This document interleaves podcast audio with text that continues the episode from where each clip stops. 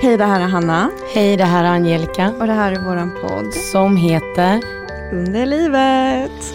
Hej Hanna, lördagspodd idag. Ja, jättemysigt. Jättemysigt. Jag vill bara tacka. Jag fick så himla många fina meddelanden förra gången eh, när jag gick ut med nyheten att jag är kär och sambo redan efter en månad. Eh, sjukt härligt. Men alla är så himla fina. Eh, så det vill jag verkligen tacka för. Och så vill jag fråga Angelica, hur mår du? Jag mår bra, alltså väldigt bra. Det hände en skitrolig grej igår. Jag vet inte om du såg mitt Instagram-inlägg. Mm, jo, jag såg att det var ett inlägg med mycket text. ja, så jag har en boost på min personlighet idag så att jag känner, jag, jag är nöjd över mig själv alltså. Jag var hundvakt igår eh, och då var jag ute och gick med, jag är med i den här hundvaktsappen eh, som jag har pratat om, rekommenderar Rover till er som vill ha lite sällskap och tjäna pengar för att gosa med hundar. Jag var ute och gick en promenad igår och då ringde min telefon från ett okänt nummer. Jag svarar, är lite stressad, hunden håller på och drar. Så jag, hallå? Ja, hej, jag ringer från Baluba från Gift vid första ögonkastet. Och planerade bröllopet skulle ju vara nu på måndag så jag bara, jaha, typ sa jag. Ja, vi ringer dig här för hela produktionsteamet pratar om dig och vi ville verkligen hitta en match till dig. Vi tycker så mycket om dig. Vi verkligen älskade din personlighet. Eh, så nu vill vi erbjuda dig att dejta i en bastu i Norge. Kan du åka till Norge nu på onsdag till fredag eller fredag till lördag? Vi bjuder såklart på hotell och resor. Och det är liksom ett avsnitt men vi har inte kunnat släppa dig så vi vill verkligen ha med dig. Och jag bara, ja det går ju inte, det är så kort varsel liksom. Vi har nya på jobbet, jag lär upp, det går inte. Eh, men det var ändå ett så fint tio minuters samtal och få en boost och att jag ska faktiskt fortsätta vara den jag är. För man rannsakar sig mycket när man dejtar och bara gud, jag pratar för mycket, jag gör si, jag gör så. Så igår ville jag ändå lägga upp, det låter så jävla ego, men det var verkligen en boost att fortsätta vara den man är. Vi är bäst som vi är, vi alla liksom, när vi är oss själva. Herregud vad fint Angelica. men jag blev så glad så att Idag sitter jag här med ett gott självförtroende, har ont, jättedålig i magen idag, mm. skrev lite till dig. Det är den här sjukdomen i all ära, den är inte glamorös. eh, men ikväll ska jag träffa en kompis och ha lite vinmys och sådär. Så jag mår bra idag.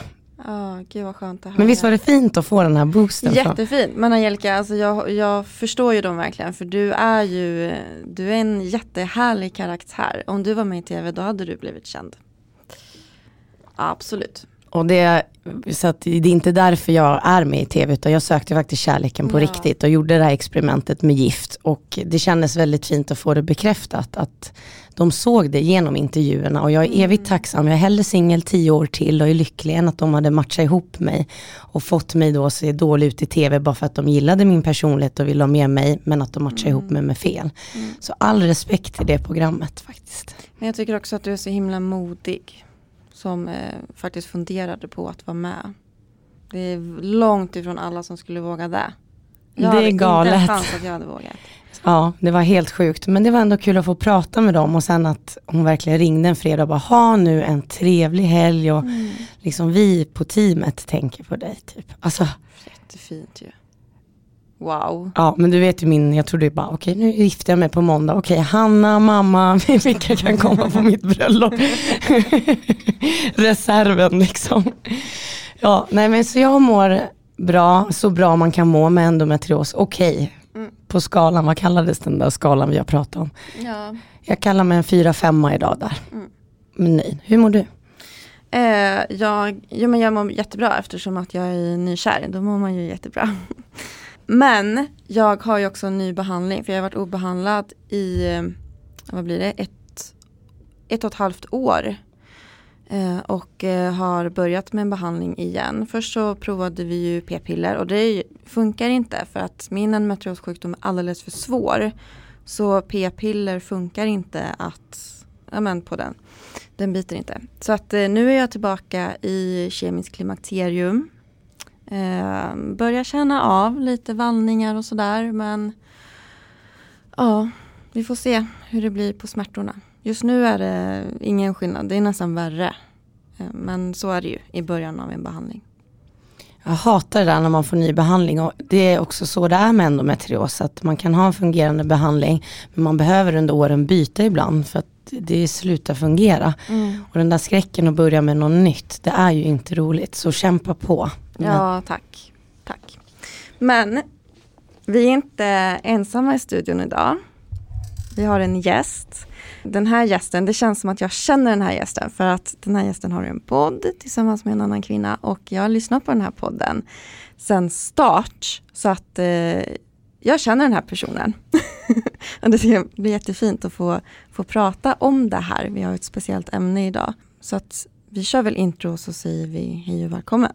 Låter bra.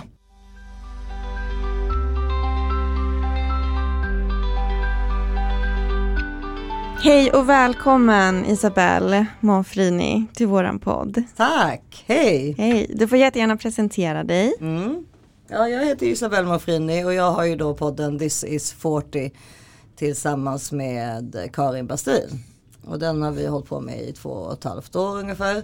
Och för, um, eller två, ja två, två två, ett år. Och för um, ett, år, ett år och två månader sedan så fick jag um, reda på att jag hade en cancerform som heter sarkom. Och uh, jag hade då, och det har jag, jag har pratat hela tiden om den här, eh, både sjuk, eller vi valde då att fortsätta med podden och då var helt öppna med den här sjukdomen som jag hade fått. Och dessutom så hade jag redan pratat om den här, här jag hade, hittade ju en knöl i mitt knä uh, i mars för två, blev det två, två år sedan. Två år sedan. Och då så var det så att både Karin och eh, alla många av våra lyssnare och så sa så här, men det är en Bakers cysta, det är en Bakers cysta. För det, den var precis där liksom i, vad säger man, bakom knät liksom. Och vad är jag, Bakers cysta? Ja, jag läste på lite men berätta gärna ja, lite mer. Bakers cysta verkar vara någon sån här ledvätska som sipprar ut ifrån knät och då gör så att det blir en liksom liten bull, eller som en knöl på knät då.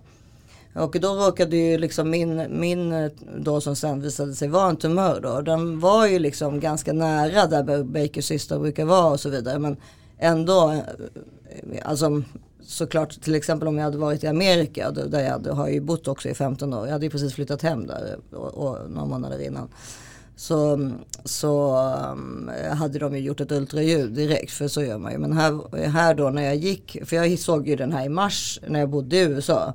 Men då var det lockdown och det var Black Lives Matter. Och så man, alltså, där, I början där av corona fick man ju absolut inte gå ut överhuvudtaget. Och då så, och sen så när jag kom till um, Sverige så jag, jag har en syster som är sjuksköterska också och sådär så jag bara, vad kan det här vara liksom? Det var som en utbuktning men jag pillade ju på den hela tiden och höll på liksom. Och, eh, förstod liksom inte riktigt, jag tyckte inte riktigt det kändes som en knöl eller kan det vara? Jag, jag var liksom osäker på vad det kunde vara och dessutom jättehypokondrisk så att jag var ju livrädd hela tiden liksom. Var det liksom en hård knöl eller mjuk? Ja, det eller var liksom det som hur? jag inte riktigt kunde identifiera. Den var liksom Ja vad är det här för någonting liksom? Är det en massa eller? Jag kunde, och det var därför jag kände att Bakers syster kände som att den skulle vara mera i den, i den att liksom lätt, alltså, då skulle det verkligen vara en knöl på något sätt liksom. Eh, nej, det var, jag blev ändå, jag var väldigt osäker på om det var en Bakers syster. Men jag hade ju inga andra symptom. Jag kunde gå 20 000 steg om dagen. Liksom. Det för, vi kom ju till Sverige då, då var det sommar så man gick ju hela tiden.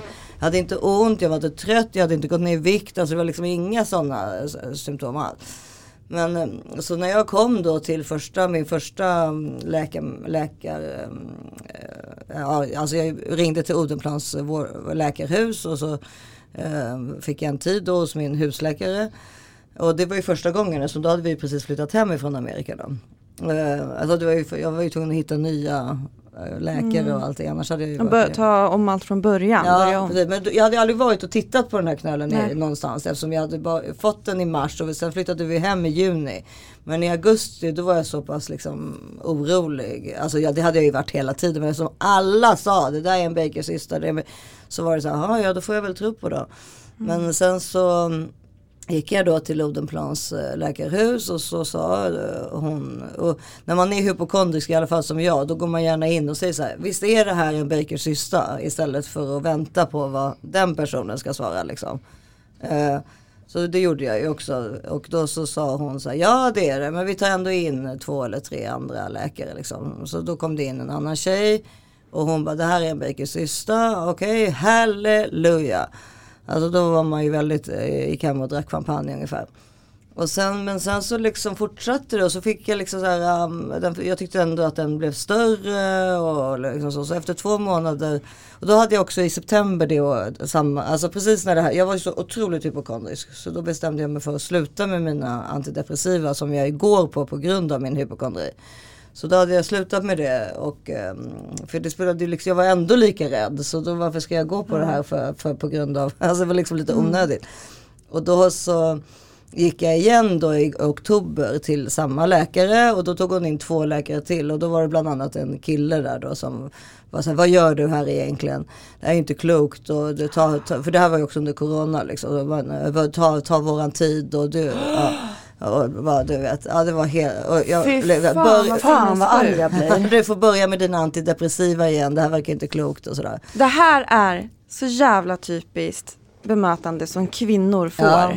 Om det där hade varit en man som kom in, Ja. då hade det varit så, okej vi skickar dig vidare Ja, till det här, de här remisserna, har du ont, Ja. behöver du något för smärtan? Och det var så sjukt för att det, var ju också så att de direkt då också så här, nej, för det, som man har sina journaler nu för tiden så kan man ju se vad de har skrivit. De har skrivit på fullt allvar så här, diagnos hypokondri. alltså, ja, och, och jag var så här, men äh, jag, jag vet att jag är hypokondrisk men inte för att vara taskig. Har- man liksom en knöl på kroppen så tror jag att vilken människa som helst skulle känna sig orolig. Ja verkligen. Alltså det är inte liksom en, en, en knöl man kan ta på liksom som man kan känna. Det spelar ingen roll att, eh, alltså, du behöver inte vara hypokondrisk för att vara rädd för, för, för den liksom. Ja, alltså då blev jag, men samtidigt så, ja, ja, jag var ju ändå fortfarande glad för det var ju bra, då var det ju inget farligt då. Alltså, liksom, återigen hade jag ju fått det bekräftat. Nu var det ju liksom fem läkare där på vårdcentralen som hade tittat på den här knölen. Och de liksom kände, fick, alltså vad, vad gjorde de för men de kände utredning? lite och tittade liksom. Och dumförklarade, Ja. fan. Och eh, sen så, men sen så då i februari då vågade jag mig till Sofiahemmet och folk var ju så trötta på mig. Du vet, min man och med, du vet, alla som jag pratade om den här knölen med. Så här, men det är liksom inte möjligt att det skulle kunna vara något farligt eftersom du kan gå, du kan, du vet allting. Ja, ja och jag bara, ja men okej men eh, liksom titta på det, det här ser inte normalt ut. Ja, så där får man väl då säga att min intuition eller min liksom, eh, min eh, Alltså på ett sätt så har ju hypokondrin räddat mig om man säger. Alltså för att jag vågade liksom, jag fortsatte, jag gav inte upp liksom. Så där får man väl vara nöjd med att vara hypokondrisk även fast det är sjukt jobbigt att vara det. Så, så då så, mm, men då gick jag till Sofiahemmet och då var, gick det ju på en sekund på den här ortopeden där. Han bara, det här är inte en Bakers cysta. Jag vet inte vad det är, vi måste göra magnetröntgen genast. Det här är liksom, den sitter inte där Bakers cysta ska sitta och den känns inte som en Bakers cysta. Nähä, okej och då blev jag, Alltså ja precis, hur mådde du när ja, men då blev jag ju jätte, jätteskärrad och jätteledsen och grät jättemycket och så. Men jag var, tänkt, man tänker ju, det är också lite konstigt med hypokondri. Man tänker ju typ att hypokondrin ska rädda en på något sätt. Att, menar, det kan ju inte hända mig eftersom jag tänker så mycket på, på det. Alltså det blir liksom som blir, så att jag var, men jag var jätte, jätteledsen på hela den eftermiddagen. Sen skulle jag gå ut på den, den kvällen kommer jag ihåg. Och så, då hade jag skitkul så när jag väl släppte det liksom. Men jag var väldigt liksom eh, Ja, jag, jag tänkte ju så här, det här kan ju vara någonting allvarligt. Jag kommer ihåg att jag visade knölen för mina tjejkompisar där på den här middagen och sådär. Och då såg jag att de typ tittade liksom, tyckte, ja, att de ändå, jag kände på mig liksom att det där var ögonen var liksom, de tyckte nog att det såg konstigare ut än vad jag, för då hade jag ju haft den så länge. Ja. Så jag var ju ganska van vid den liksom. Men eh, och sen så gick det ju jätte, jättefort för då, då när väl det svaret kom då ringde han ju. Jag gjorde den här um, magnetröntgen på lördagen och på tisdagen så ringer um, han från Sofiahemmet och säger så här. Jag har skickat vidare det här till sarkom. Jag visste inte vad sarkom var då. Eh, jag, för jag vet inte vad det här är för någonting om jag ska vara helt ärlig. Och redan eh, även då tänkte jag, ja men det kan ju inte vara någonting. Alltså, alltså jag var ju jätte, jätteledsen och oroad men jag var ändå liksom, man har ju hoppet liksom att nej men det kan väl inte vara någonting. Och sen så då så, Och det händer ju inte en själv. nej men lite så andra. liksom. Vi har väldigt lite cancer i vår, min släkt också och sådär. För jag har ju alltid varit rädd för just cancer. Så att, Eh, Vi har ju pratat liksom med mamma mycket om så här, kan du, kan, du vet, Mm. hon bara, nej men det skulle vara så, det kan du inte ha, få för att vi, du vet, många, av många familjer så har vi väldigt lite cancer faktiskt. Och det, så, ja. Mm. Men då den här, och just den här sarkom då som jag visade sig att jag hade var, är ju, den, det är en procent som får den. Och den. och Det är en tumör som kan sätta sig var som helst i kroppen. Men fy! Ja, och, och den, den är, den, den, alltså den, den, den, är, den är liksom, den är svårbehandlad. Så det är därför man måste gå så här jättehårt på den med extrema cellgifter och strålning och operation då självklart och så cellgifter igen. Men det, den är ändå ganska, eh, alltså den har någon sån här 90% chans att överleva eller något sånt där. Men alltså det tycker inte läkarna oftast. Så att det finns sådana informationer på internet tycker oftast läkarna inte är så positivt liksom. För att, eh, ja, du vet de där procenthalterna, de, vad, vad säger de egentligen eh, ungefär. Men det, Ja, för även om, även om man skulle bli frisk Mm. så är det ändå livets kris man har ja, gått ja igenom. men precis. För den, sen vad som hände sen då var ju att när jag kom till sarkom då, då var det ju så här eh, det var en fredag dessutom igen, eller en fredag så då visste jag ju att, eh, ja, då, så, då var jag fortfarande inte säker på vad jag hade. Och då märkte jag att han som, för vi skulle göra en biopsi då. Och då märkte jag att han som, ehm, min läkare då, att han var så här, men eh, alltså vadå? Eh, för jag var, vad, vad är chansen att det här är? Han var, nej men alltså det här är cancer. Alltså du vet typ så liksom. Alltså jag bara, men vadå hur många procent? Han bara, men okej om du är kanske 70 procent 70-30. Jaha okej. Ja och sen fick jag ju vänta då och så på tisdag morgonen då efter helgen så ringde de jättetidigt på morgonen också. Så var det så här, du har cancer, du kommer behöva genomgå jättestark eh, cytostatika. För den är ovanligt stark, den, man går så här tre dagar i sträck. Och sen väntar man två veckor och sen går man tre dagar i sträck igen. Och sen så 20 strålningar och så operation och sen då eh, ja, igen då cytostatika i, i um, tre dagar i sträck och vänta två veckor. Så att man, man, man, blir, man är helt utslagen, man har typ ingen, man, man är typ död.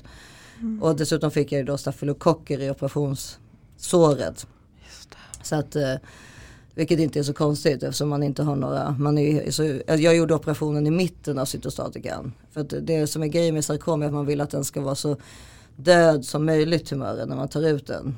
Så därför vill man liksom helst inte göra operation först utan man vill då först ge patienten cellgifter och strålning så att eh, tumören dör så mycket som möjligt. Och min tumör var då 80% död när de tog ut den. Är det bra? Det tyckte de var bra. Jag Ja. vet inte vad det betyder.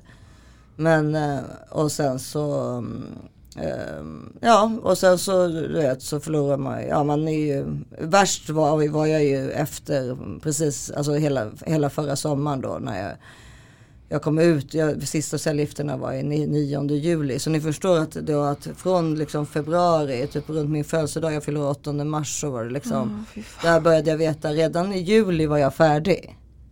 För, för, alltså för det är väldigt snabbt för hjärnan att liksom plötsligt gå in i, och vilket också var, det, så när jag väl blev omhändertagen av vården, alltså av Karolinska, då, då var det ju, har jag ju fått, alltså då har jag verkligen blivit omhändertagen. De har liksom varit så otroligt, både, både, både och fått psykolog, för, alltså både för huvudet och för, för att bli frisk liksom. Mm.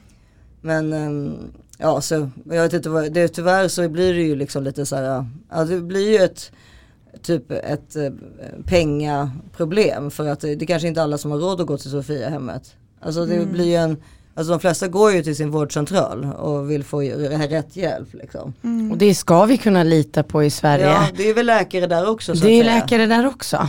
Alltså men, det, eh, det, så var det ju inte i mitt fall. Eh, Men, eh, och, det var ju, och då var de på Karolinska var så här, du måste stämma dem. Ja då finns det en sån här patient, ja ni vet löv. Ja, Så, ja. exakt.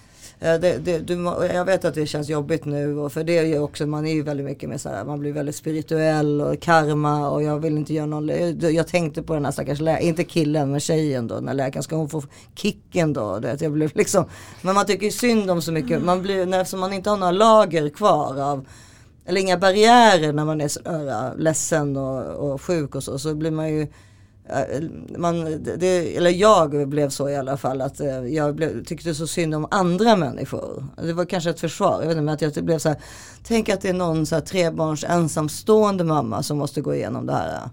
Tänk, ja, du vet, Ah. och sen komma hem, alltså sådana saker kunde jag ligga och gråta för. Det är Liksom, det är säkert något skydd för att liksom inte tycka så synd om sig själv. Men det, så blev jag liksom. Så jag bara, nej jag kan absolut inte stämma henne. Men då sa hon, min fantastiska onkolog där på Karolinska, hon bara, jo men du måste göra det för att det, dig har det redan hänt men om, det får liksom inte hända någon annan. Mm. Eh, att de gör fel på det här sättet. Och då gjorde jag det och då, och det, har jag, den, det har jag fått rätt för då. Så då har jag fått 40 000 eh, skattefritt då. Mm. Eh, Vet du vad som hände med henne? Nej men jag tror att de bara blev tillsagda men, och det var väl bra. Men alltså så att de inte, så att de Ja för tar, då kanske hon har mer koll ja, i och tar en sån på allvar liksom Mm. nästa gång det kommer en likadan. Ja för grejen är ju att man, vi, pratar, vi har ju pratat om Löv, att man ska anmäla.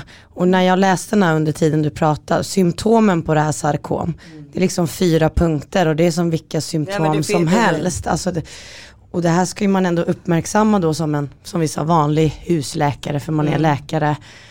Det här är jättebra att du anmäler. Sarkom är, ju, ofta så kan det komma så här typ på, säg på en gubbes mage till exempel. Då ser man ju inte, jag hade ju turen att den, den skulle komma på min mage också. Det skulle ju vara svårare att hitta eller bak, du vet. Men den här, den här var ju synlig och det, är och det är väl det som är också extra farligt med den då. Att om man inte, alltså eftersom det är så, det man kan gå med den i flera år utan att märka det liksom. För att den, den är gömd och kanske i någon tjock mage eller sådär. Vet du, har man några teorier kring hur länge du kan ha haft din? Nej men jag vet ju, jag såg ju utbuktningen första gången där i mars eh, för två år sedan. Så att, eh, men kan ju, man kan ju ha haft den längre. Men då var det, det, var- det var ju också en sån här grej att man hade då, eh, den brukar börja sprida sig efter 8 centimeter. Och min var 11 centimeter. Eh, Men, men man visste ju att, alltså då när jag gick till vårdcentralen i augusti. Då kanske den var 3 centimeter eller 4 centimeter. Alltså den växte ju väldigt mycket där i slutet. Så att eh, det är också så här. Så när jag, fick, jag fick faktiskt det samtalet att det inte hade spridit sig samma dag som mina första cellgifter. Så då såg jag ju så här dolt nummer precis när jag hade kommit hem då. För man ligger på sjukhus i sju timmar i sträck och sen så får man gå hem och sen kommer man nästa morgon igen i sju timmar. Och så Det är som ett så. jobb. Ja, ja, nej men det, det är ett heltidsjobb. Men Mm. att bli frisk. Men, men då så, um, eh, ja då visste jag ju så här, nu kommer ju samtalet liksom. Vad, jag förstod ju, nu kommer jag få reda på ifall det har spritt Nu kommer sig eller inte. domen. Ja.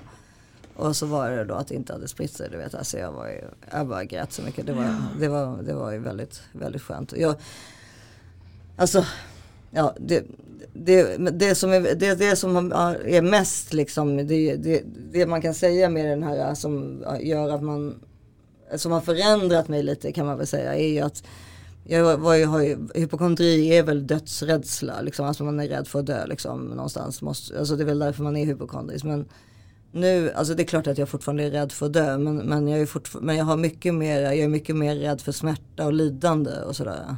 Mm. För det är såna, det är så otroliga hemska, alltså man mår så jävla jävla dåligt alltså av de här cytostatikerna och ja, all, ja, att det, ja, det är bara för- förfärligt verkligen. Så att jag, jag har liksom ändrat, jag är inte flygrädd längre till exempel. Men Gud vad skönt, här kan man bara sätta sig.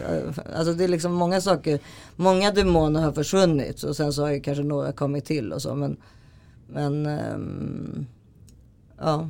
Men när du, oj, när du fick det här samtalet från Mm. läkaren, har det spridit sig eller inte? Mm. Och du fick beskedet att det inte har spridit sig. Mm. Kunde du vara trygg i, det, i den informationen? Jag tänker eftersom att du har varit med om innan att de har gjort fel. Ja, nej men det var för då hade de ju gjort en sån här stor, de här CT-scan som det heter. Det, är ju liksom, då sätter du kontraströntgen, det är en kontraströntgen som du får i hela kroppen. Det är liksom från tå till huvud.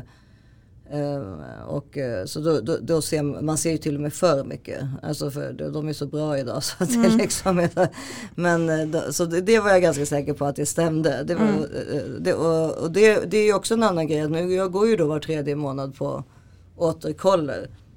Och eh, det är, ju, det, det är en sak som, jag vet inte ifall ni kan känna igen i det, men, men man, man lever ju väldigt, alltså, eller jag har tänkt på varför, har jag, varför mår jag dåligt nu liksom. För jag borde ju vara, jag sa så här, överlever jag det här kommer jag liksom bli Vivian Westwood. Alltså, Mm. jag, om jag var punkig innan kommer jag liksom bli helt galen nu. Men eh, istället så har det ju blivit lite att jag är liksom ganska rädd och liksom slu, ins, slut, alltså är gärna hemma och jag liksom är ganska mm, ängslig hela tiden liksom. Och då, då har jag tänkt mycket på varför det är så. Jag tror att en av anledningarna är i alla fall att jag har väldigt så här, kortsiktiga eh, tankar. Jag kan liksom inte se eh, saker långsiktigt längre.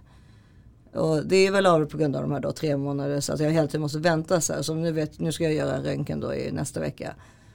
Och då är det liksom, ja ska man vänta på den och sen är det tre månader. Och då, så det blir liksom aldrig de där, ja gud vad härligt det ska bli att bli mormor eller. Alltså man har liksom inte de tankarna riktigt utan det är mer, det blir ganska ångestfyllt att hela tiden leva efter de där ja, mm, tre månaders återkollerna. Fast jag också är ju såklart tacksam över att jag får göra dem. För jag tänker att hur mycket kan ha hänt på tre månader? Mm. Det kanske inte är så mycket. Jag vet, alltså, man, och än så länge har det ju gått bra då. Och det är ju otroligt härligt. Vad vet man om så här prognos för åt, alltså inte återfall det, men alltså. ja, det finns inte riktigt. Det, beror ju på, det är så individuellt liksom. För att, men ju längre tiden går desto bättre såklart. Och Bara med, så med, enkelt, Ja, okej. och med Mm. sarkom just så sa de till mig, jag vet att det var en som sa att det, den först, det första året är absolut, eh, alltså den mest kritiska liksom.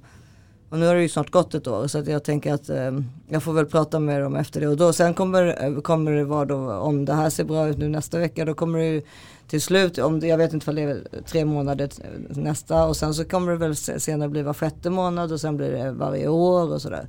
Mm. Hur känner du inför det då?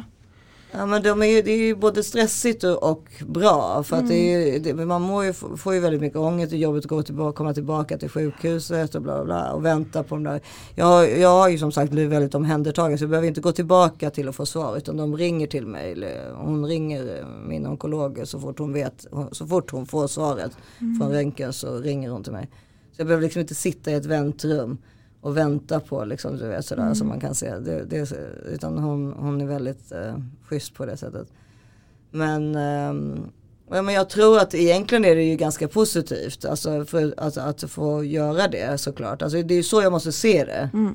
Alltså så här, gud var helt att jag bor i Sverige och att jag får då titta att allting är okej var tredje månad. Men det är klart att det, det, det är ju jobbigt också såklart. För man liksom, ja, Nej, men men man man, har ju ingen kontroll liksom. Man är ju livrädd att det ska komma tillbaka och vara någonting och sådär. Såklart. Jag eh, lyssnade på det här avsnittet på vägen hit där du berättar liksom att eh, du har cancer. Mm. Och din läkare säger någon, han säger att det är så besynligt att en hypokondriker Ja. faktiskt blir sjuk. Mm. Precis. Jag har aldrig varit med om det. jag bara, det var det jag trodde också. att det skulle rädda mig från att inte bli det. Ja. Men däremot så finns det ju någon sak, någon, det finns ju en sak som också man ska tänka, som har blivit, är ju otroligt. Alltså till exempel som, alltså som jag, jag tänkte ju aldrig att jag skulle kunna bli frisk. Och det har, alltså att vård, alltså förstår du, att den tryggheten att det faktiskt är, jag har ju blivit frisk. Jag är ju frisk. Sen måste jag gå på återkoller och sånt. Och så hoppas man att man fortsätter vara frisk. Men det, den var ju så här, alltså jag var ju helt hundra på att jag skulle dö. Det var ju ingen snack om saken. Alltså det var ingen snack om saken. Och då att så här, det finns ju en trygghet i det också. Att bara, ah, men gud, det här lyck, det gick, det gick, det var konstigt. Nu är jag klar och det har liksom, det finns inga, inget, det blev väldigt märkligt när man, för en hypokondriker tänker ju att får en, eller jag tänker så i alla fall, att får jag någonting så har jag två veckor kvar att leva ungefär. Alltså det är liksom, det är aldrig någonting som skulle kunna gå liksom att lösa. Men det här gjorde ju det, det löste ju sig liksom än så länge i alla fall. Och det är ju, mm, det låter ju som om jag typ är världens eh, peppaste och gladaste person. Det är jag inte, jag har jättemycket ångest. Men, men det finns ju någonting i det där att vården faktiskt, eh, när, alltså jag, när jag väl hamnade rätt så har de ju verkligen, tycker, alltså så har det ju gått bra. Och jag har alltid känt mig trygg och liksom, eh, De har, eh, liksom, jag har både mobilnummer till både min ortoped och onkolog. Det är liksom helt otroligt. Och jag fick direkt psykologhjälp och psykiatrihjälp och liksom. Så det, det, det måste jag säga att jag är väldigt imponerad. När det väl gick bra, så när det väl, när det väl hittades efter det så var det, har det liksom har jag fått uh, otrolig hjälp tycker jag. Men också det du var inne på det här med hypokondrin där. Att du gav ju inte upp heller. Så det var ju din styrka i det här Ja. också. För jag med, nu när vi pratar om de här symptomen, det är ju jättelätt då att många bara, "Ah, men då är det bara en knöl Ja, här nu, fettknöl, jag vet inte Ja, vad men man... precis, det kan vara massa saker. Alltså, det kan nervknöl. Nej, eller- knöl, ja. fettknöl, alltså, Mm. men att du ändå liksom tog det här Sofiahemmet, jag ger inte upp. Så där hade du din hypokondri faktiskt att lyfta den lite. Och det kan ju också vara lite läskigt. För att då tänker man ju att ens intuition alltid har rätt. Ja, och det, det, är har den sant. ju inte liksom. Och det här eh, som alla håller på att prata om hela tiden, tankens kraft och sånt där. Tack för kaffet alltså. Det, alltså om man alltid går omkring och är rädd, då tänker man jaha vad ska hända? Alltså det är ju jättejobbigt. Manifestera att det här är bra liksom. Ja, då nej, det borde ju det vara åt andra hållet. Alltså du vet, det, det blir snurrigt för mig allt det där. Så eftersom jag går omkring och är liksom ganska rädd hela tiden.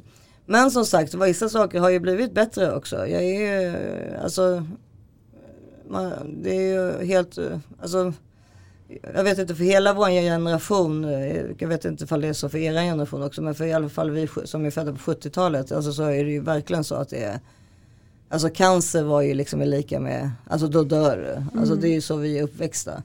Men det har ju hänt väldigt mycket i, i cancerforskningen. Och, med can, alltså, och, då, och jag tycker att eh, alltså, det, det är ju förfärligt att behöva gå igenom alla de där behandlingarna och all, allting. Men, men samtidigt så är det också otroligt att man, att man får lov att göra det så att säga. Mm. Ja, det är ju så jag måste försöka tänka, liksom, vara tacksam över att jag ändå bor i Sverige och så vidare.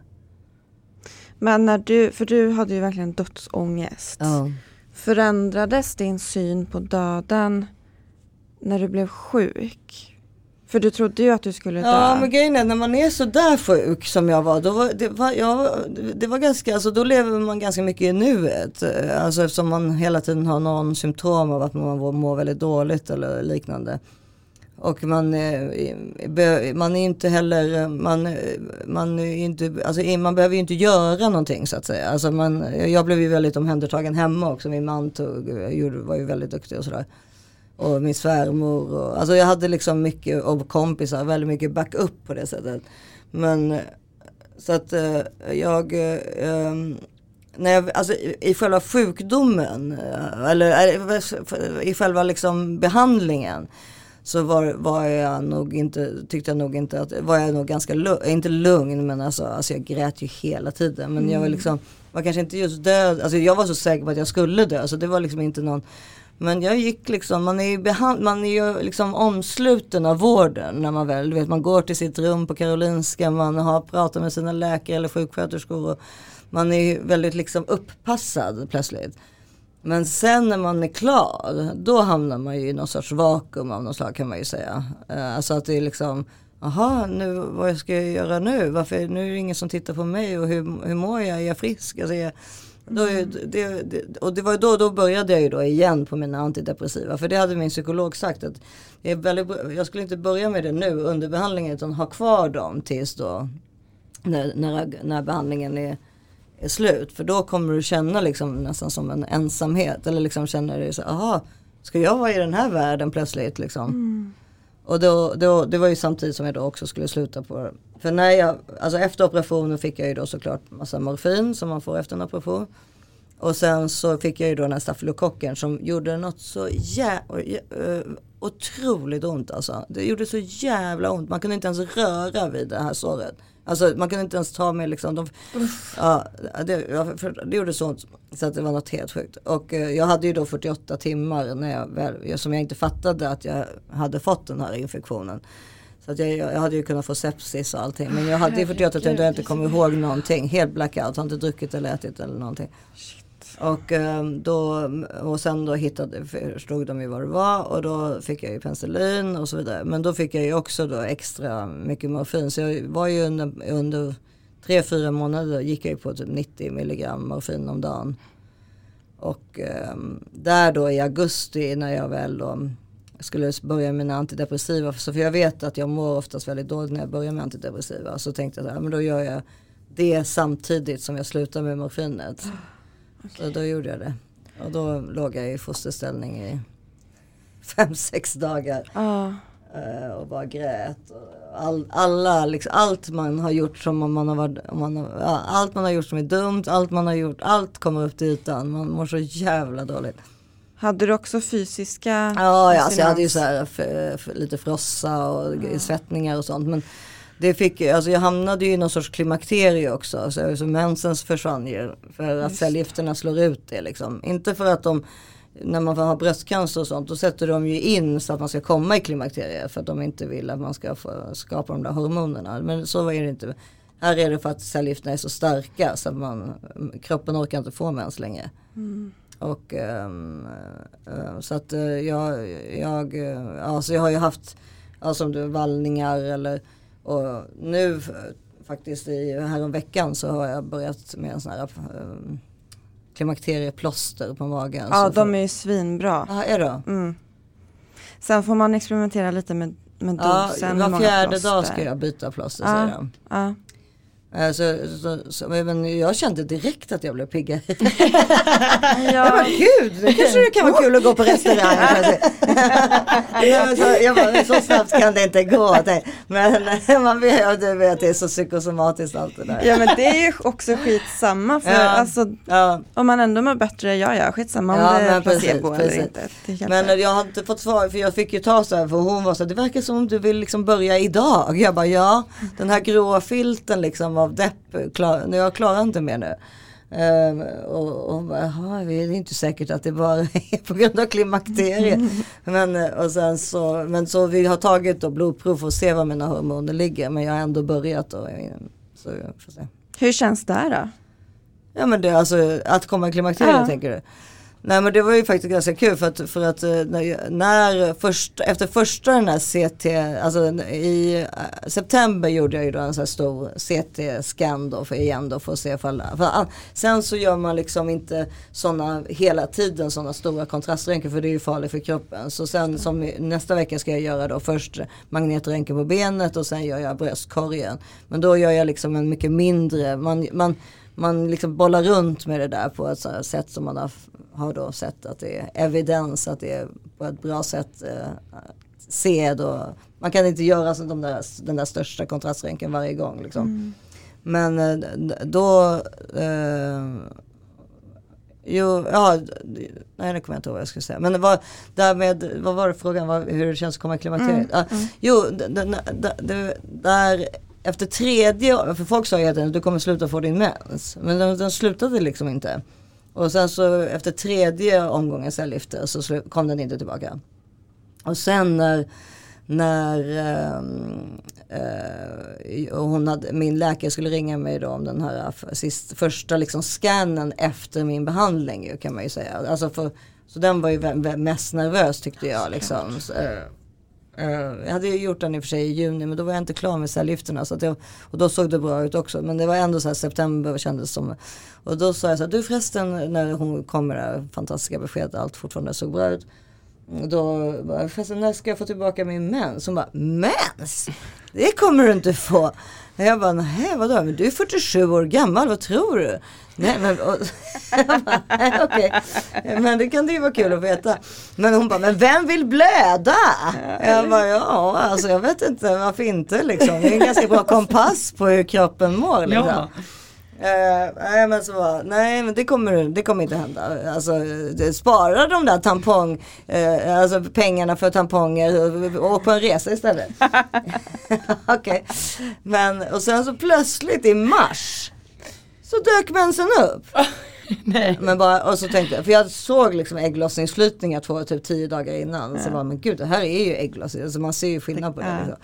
Och sen så var, började jag ju blöda och så, och så eh, tio dagar efter det typ. Men sen så, sen efter det har den inte kommit tillbaka igen. Så den kom en gång då. Var det lite som att få mens första gången? Ja men igen? lite. Jag gick in till min 15-åriga dotter och bara Jag har fått mens! Har du en tampong? Hon bara Men alltså sluta.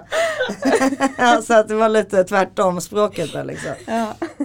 Men eh, det där är ju också speciellt det där med, på tal med om era, vad ni går igenom. För att just med mensen så man alltid säger gud det måste, jag, man hatar ju mens liksom. Alltså när man väl har mens. Men sen när man inte har mens då är det ändå lite läskigt också. För det är ju ändå någonting i, i att ha mens som, som är, jag visar att kroppen mår bra på något sätt. Eller det är liksom en, en, en klocka på, för, för någonting. Mm. Jag vet inte hur ni känner med det eftersom ni har så ont och det kanske är extra ont när just mensen kommer. Mm, eller? precis. Mm. Så ni kanske inte alls vill ha mens. Eller du har ju inte ens Jag har inte haft det sedan 2013. Mm. Det är länge så jag vet inte alls Ja, det för Men för mig, jag tagit- hatar ju mens. Samtidigt så förstår Ja. jag precis vad du menar. Den här trygga, jag hade önskat att jag kunde ha en, vad det nu kallas med öron här, vanlig mens. Jag Ja. vågar knappt säga det men Mm. klart jag hade önskat det. Men har du medicinerat sen Medi- 2013? Är det därför inte jag började då hade jag ju p-piller så att, Ja, ja, men sen har jag liksom aldrig haft det har bara varit borta och nu är ju det här medicinska att jag inte ska ha mens för att jag mår bättre utan den. Samtidigt köper jag absolut det du säger, jag håller med att det är ändå kroppens sätt att visa att man mår bra. Men vi endometrioser är inte jätteglada i mens samtidigt som vi också är det. Och sen så är det ju så att alltså, eh, historiskt så har vi aldrig någonsin haft så mycket mens som vi har nu. För man har ju alltid liksom varit gravid och fött barn och, och allt det här. Eh, och ammat. Så att. Det bara mensas överallt. Ja. Och man liksom väntar längre med att eh, liksom, eh, bilda familj och Ja. allt det här.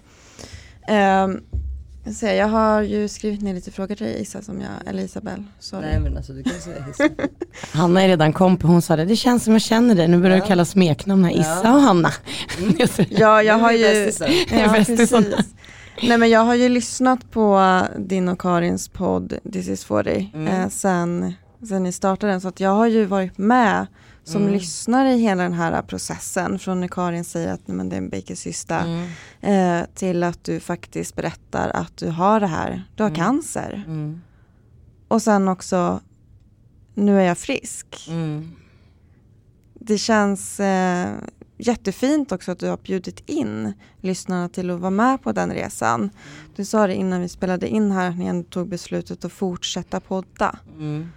Var det givet för dig att du skulle prata om det på det här sättet?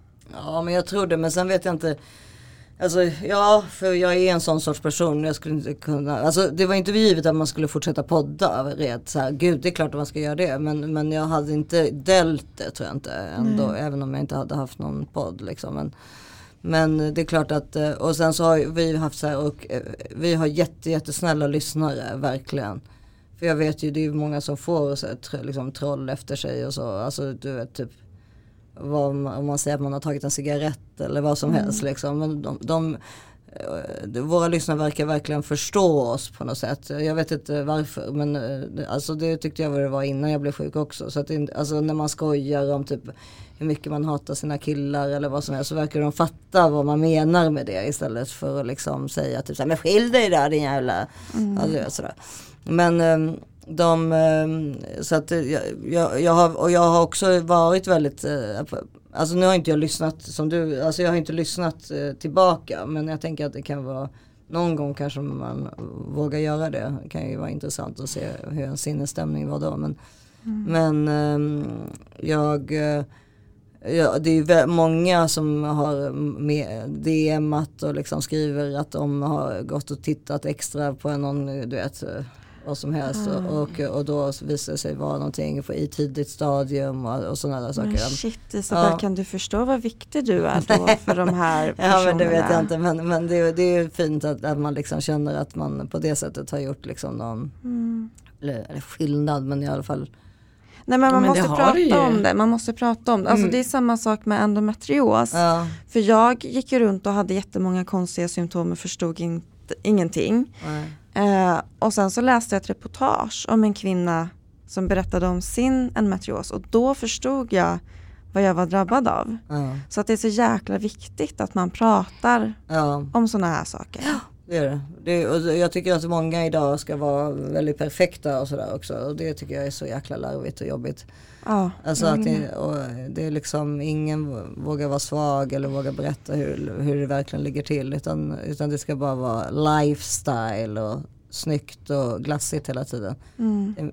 Det, det alla lever i ett mamma-omslag. ja Men jag tycker, jag tycker det är så läskigt nu när vi ändå är inne på det. Ja, men nu pratar vi om endometriosen, Hanna och jag. Och så frågar ju någon så här, hur mår du? Alltså då måste ju folk kunna förvänta sig att man säger nej men det är piss. Ja. Men när man gör det så ser man ju att den personen, oj alltså det Ja. blir liksom obekvämt. Och det har ju vi fått tampas mycket med, nu pratar jag såklart om mig då, men just endometrioser, att den typ, ja men vänner, kollegor, men gud hur mår du idag? Nej jag, jag har sovit tre timmar, jag har haft så jävla ont, jag har bara liksom regat och vridit. Det är så här, folk blir så rädda, de vet inte vad de ska säga. Men det är så viktigt att man gör det, även fast man inte får det här tillbaka, att oj, nu, Isabelle förstår mig här nu, men då ska man ändå vara stolt att man gör det. För att ju mer vi gör det så kanske andra börjar göra det, men det är just den här perfekta livsstilen. Man ska bara säga, jo men det är bra, det är okej, och så ska man svälja det och så ska man gå hem och ligga där på golvet och må röv Folk är så själv. trötta på en bara. Det, Ja, det är kan jag det. känna. Att folk bara säger, men sluta nu, jag orkar inte. Alltså det, nu, ibland så kan man bara säga, man nästan måste säga så här, "Ja, men det är bra, alltså typ, till och med till ens nära vänner. För man liksom bara, jag kan liksom inte tjata om hur dåligt jag mår fortfarande. Alltså psykiskt då liksom. Eh, Det blir, och så blir det, jag kan tycka, nu har ju ni ont liksom. För jag, smärta vet ju jag hur det känns, det är ju hemskt verkligen. Att gå omkring med smärta finns ju inget värre. Men när man bara mår dåligt psykiskt som jag mår, liksom har ångest och oro och så. Då, då, då är det ju liksom, blir ganska självcentrerat. Alltså man tänker, alltså om jag hade varit, bott i Afrika och behövde liksom hämta vatten och, eh, till mina fyra barn för att de skulle, alltså, om jag, jag har, det är liksom lite att man har så mycket tid att tänka på när man mår dåligt. Så att, alltså det är också privilegierat att kunna må dåligt. Att ha ångest. Alltså, ångest. Det är helt sant. Alltså, Det är det- sant. Alltså, och det, det är en annan sak med smärta. För att, för att när, har man smärta så känner man ju det. Alltså, men att bara så gå omkring och äh, å- åma sig själv hela tiden. Eller vad det heter. Alltså, hela tiden, det är liksom. Alltså jag gör ju det. Men jag, jag blir arg på mig själv att jag gör det också. Det finns ju gränser liksom. På något sätt. Men en sak, eh, jag minns att du pratade om det här i podden och Mm. jag reagerade verkligen för att jag kände igen mig så himla mycket i det. Och det är det här att du har isolerat dig också. Mm. Eh, och du är en väldigt social person. Eh, om jag har tolkat dig rätt. Mm, absolut. Och det där kan jag verkligen känna igen mig i så himla mycket. Men hur var det för dig när du, alltså var det ett aktivt beslut att jag drar mig undan? Eller var det bara någonting som hände? Ja, men jag tycker det, alltså det är fortfarande så att jag, alltså när, om jag väl måste gå på någonting och jag gör det, då, då är jag jättesocial. Som typ nu, alltså sådär liksom. Det, det är inte så att jag, men det är det där att eh, jag liksom Hell, alltså hell, jag tackar hellre nej än ja liksom. Alltså att jag har, jag, det, jag har en tendens att känna att jag mår, mår bättre. Jag är som fastklistrad i, i soffan. och det blir ju tyvärr inte positivt. För när man, det är bättre att liksom vara lite, alltså jag, hittar man på mycket saker så mår man ju faktiskt lite bättre också. Men eh, jag, jag, jag har liksom någon, eh, Men det är jättesvårt det är här och nu. ja. Ja. Och, Och, det är ganska skönt och jag kan bli väldigt stressad och, och ibland och, och liksom av om jag är liksom, jag vet inte, jag, blir, jag kan få ångest typ om jag sitter på en lunchrestaurang och vet att det är långt kvar innan den personen bredvid mig ätit upp, eller den som jag är med. Jag bara liksom, alltså ljud eller, ja men man, ja, det är väl någon sorts PTSD eller trauma liksom att man inte jag, jag, jag, jag mår som bäst hemma liksom i, i lugn. Men jag är inte så lugnt hemma heller eftersom jag har fyra barn och två hundar. Men, men det är ändå där jag känner mig tryggast. hur är det då om du har vänner över hemma hos dig? Kan du, är det lite samma känsla att du vill dra dig undan? Jag har, inte, jag har inte haft det på, alltså jag har ju familj, alltså jag har ju några som är som familj eh, som kommer varje söndag som jag har gjort det även när jag var sjuk då som vi hade som, och vi åt alltid söndagmiddag ihop då. Eh, som är som, Johannes och Rebecka heter de. Och, ehm, ehm, så de kommer ju varje helg och sen så, och så lagar Johannes middag. Men eh, annars så, och ikväll till exempel ska Maja med en kompis till mig komma och äta middag. Men det är ganska ovanligt nu för tiden. Jag, har, alltså, jag går hellre ut om jag, om jag ska göra någonting. Så, alltså, då det, blir det ofta så att jag, om jag gör någonting så är det nog in, inte hemma utan då jag, går, lämnar jag hemmet istället. Är det för att du ska kunna gå hem? Gå Ja, för jag vet vill? inte, jag vet inte. Mm. För jag har, alltså när jag väl går ut då kan jag ha jättekul. Och känna mig jättetrygg och alltså ibland då. Alltså jag var ju på bröllop, jag har ju var ju på bröllop i London för två veckor sedan. Då är det liksom inget problem liksom på det sättet när, när det väl är någonting som bara ska göras. Alltså då jag, har jag skitkul. Men det är mer de där äh, liksom vardagliga sakerna skulle jag säga. Alltså typ så här, men ska vi äta lunch eller äh, ska vi ta en tidig middag eller äh, till och med när jag går ut med hundarna om jag behöver köpa en tvål så bara, äh, men jag vågar inte gå in där på H&M. Alltså det är liksom lite, jag, är, ja, jag drar mig undan liksom på något sätt. Och då blir man ju ännu mera eh, dra sig undan person. Alltså då blir man ju ännu mer deppig. Ja, exakt. Och när Mm. man har hamnat där. Ja.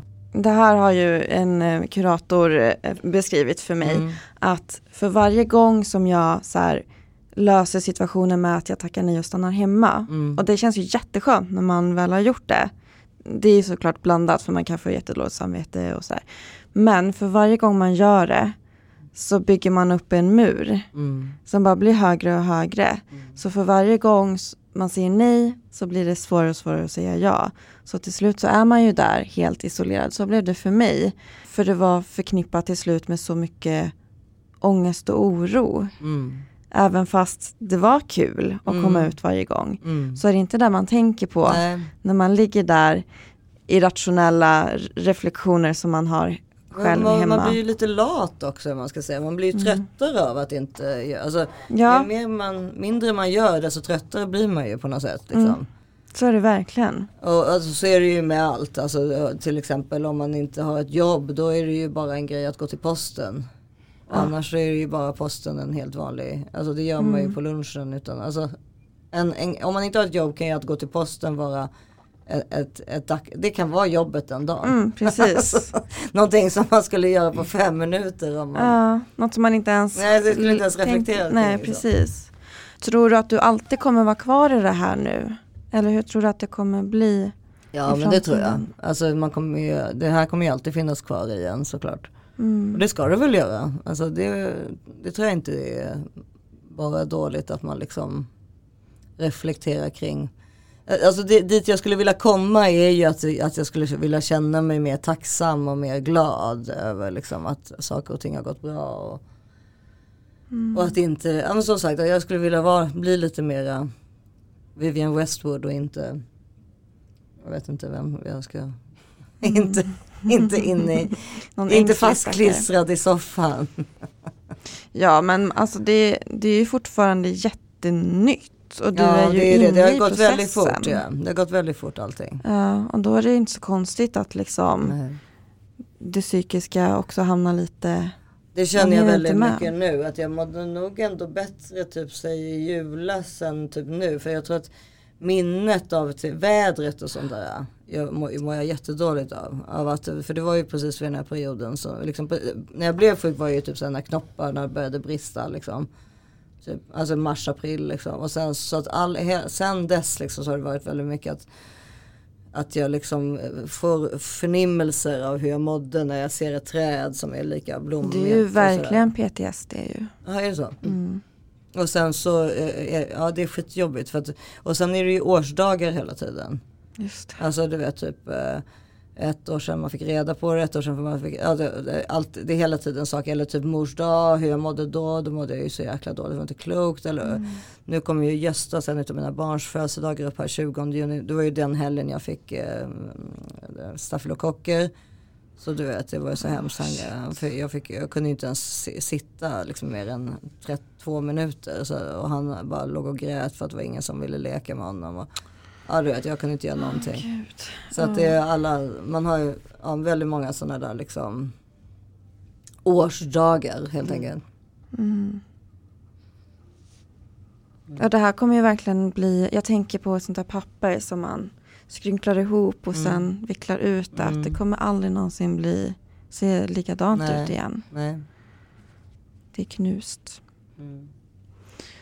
Isabelle, vad tror du hade hänt om du inte hade haft din hypokondri och varit så driven i, i dina läkarkontakter? För jag tänker så här, det, är- det är helt, man, man kan lika gärna vara den personen som inte orkar eller som litar så mycket på Mm. läkarna även om man kanske känner innerst inne att nej, men det är någonting annat. Så, Jag tyckte det var jättepinsamt att ringa till Sofiahemmet och, alltså, och, och, och så. Alltså det, jag, jag tänkte så här, gud de kommer inte tro att jag är klok ungefär. Eftersom jag hade också dessutom blivit så hånad på vårdcentralen där sista gången jag var där. det är Men, fruktansvärt. men ehm, jag vet inte. Alltså till slut hade de väl, alltså till slut hittar man väl allt. Men lite som, alltså som min pappa säger för när jag var som räddast liksom. Han bara, men Isabel man dör inte av någonting som man vet att man har. Man dör av någonting som man inte vet att man har. Ja, det, det är ganska mm, det är ganska sant i dagens samhälle, eller i dagens läge, alltså det finns så mycket man kan bota om man bara får reda på det i tid. Liksom. Jag, jag, alltså så som jag känner mig så hade jag väl inte gett mig ändå liksom, men eh, det är svårt att se vad jag skulle ha gjort. Alltså, ja, jag, jag gjorde ju bara det som jag tänkte var rätt och det visade ju sig vara det. Men, Ja, och man kanske inte behöver spekulera i det heller. Vad hade hänt om nej, jag för inte... då hade det ju förmodligen då, ja, det, det hade ju varit en jobbigare behandling, ännu jobbigare förmodligen. mm, Om det hade vi hi- hittat senare menar jag. mm.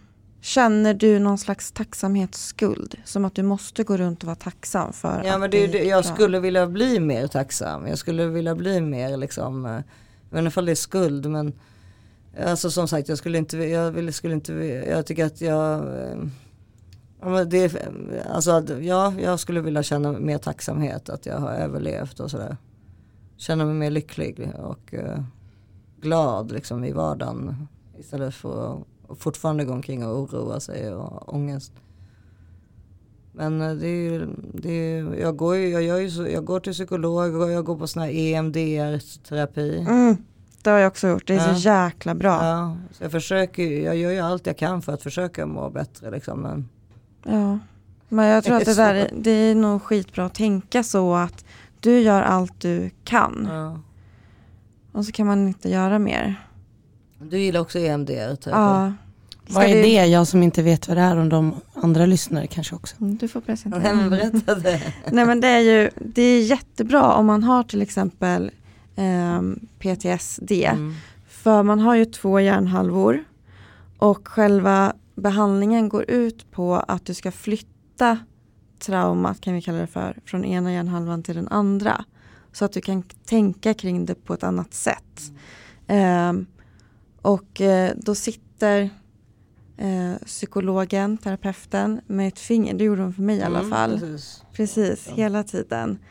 Och så ska man följa fingrarna med ögonen hela tiden. Man kan göra det själv hemma också. För det lugnar en alltså. alltså så att du kan liksom, då behöver du inte, du kan ju liksom bara ha två, eller typ kanske titta på, säg knäna, eller fötterna eller någonting. Så, så, gör- som REM-sömn liksom. Vad jag har förstått med REM-sömn, eller ja just REM-sömn, så är ju det väldigt läkande. Och det blir väl samma sak då om du håller på som med ögonen när du är vaken då. Att det tar bort traumor. Som kan oarbe- o- obearbetade traumor och traumor som du kanske ibland inte ens vet om. Ja, för det är, jag är intresserad av sömn och det är där man bearbetar som mest Ja. just. Även fast man inte minns det på morgonen när Nej, man precis. vaknar men det är där kroppen bearbetar. Ja, Så och då det förstår är jag det ändå. också med grejen med om man går på piller och sånt när man sover, alltså typ sömntabletter. Då är väl inte sömnen lika, har samma kvalitet tror jag heller. Så det kan ju också göra att en sömn då, alltså att man inte får den där REM-sömnen kanske till exempel. Och då är det svårare att, att Alltså då kan det vara jättebra att göra de här REM eller den här EMDR då på, en- i vaken tid istället så att man får någon sorts Intressant. mm. Lärde jag mig något nytt idag. Visste Mm. inte att du hade gått på det. Coolt. Ja, men det, är- alltså, jag var ju lite skeptisk till, liksom, Mm. kommer det här verkligen funka? Mm. Men det var det som blev lösningen för mig.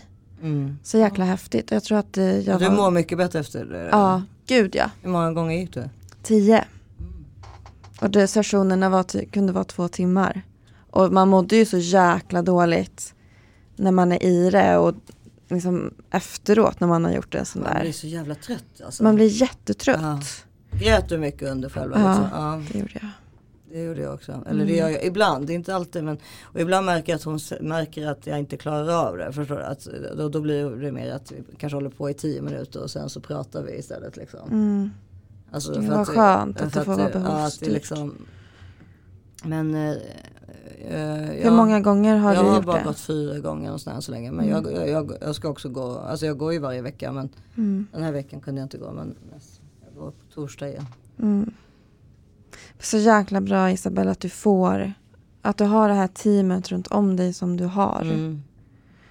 Eh, Jag skulle också, nu ska vi avsluta men det är verkligen så himla viktigt att poängtera att kvinnor får sämre vård. Mm.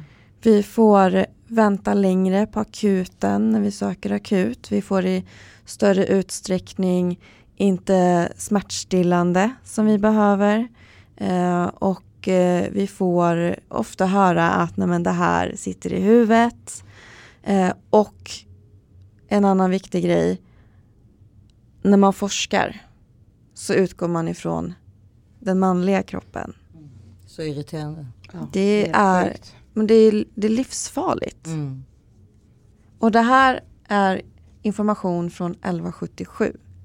Det är också så att det Va? är, Läste du därifrån? det är också så att det är alltid vi som, det är vi som måste, alltså vad- kvinnokroppen som, eller kvinnan som måste ju göra allting under hela livet. Ja. Alltså, och bara det att vi efter 30 år av män ska hamna liksom i klimakteriet on top of it. Mm. liksom, det, Det tar ju aldrig slut. liksom. Alltså vad är det Det lilla körsbäret kommer. Ja. Först ska man liksom ha jätteont varje, varje månad från i två veckor. Alltså man har ju typ några dagar. Ja, ja, alltså ni, ja. ni som har endometrios har ju, säkert- har ju alltid ont. Men för vanliga människor som inte ens har det så är det ju så att typ kanske fem dagar. Som man mår bra i månaden. Sen är det liksom ägglossning och sen är det, är det och, så, och ägglossning kan ju ibland vara värre tycker jag än mensen. Alltså för jag som inte har endometrios då.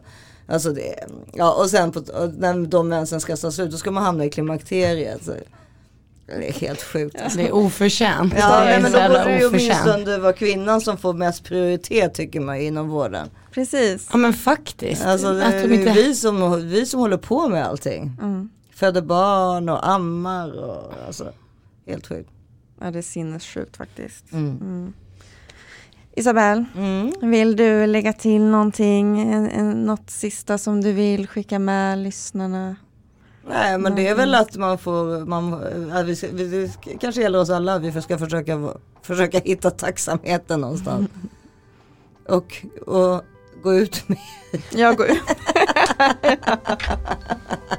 nej då, jag ska, man får göra som man vill, man ska göra, man ska göra det som man eh, känner är bra. Men, men eh, Ja, både här och nu och i längden. ja, precis.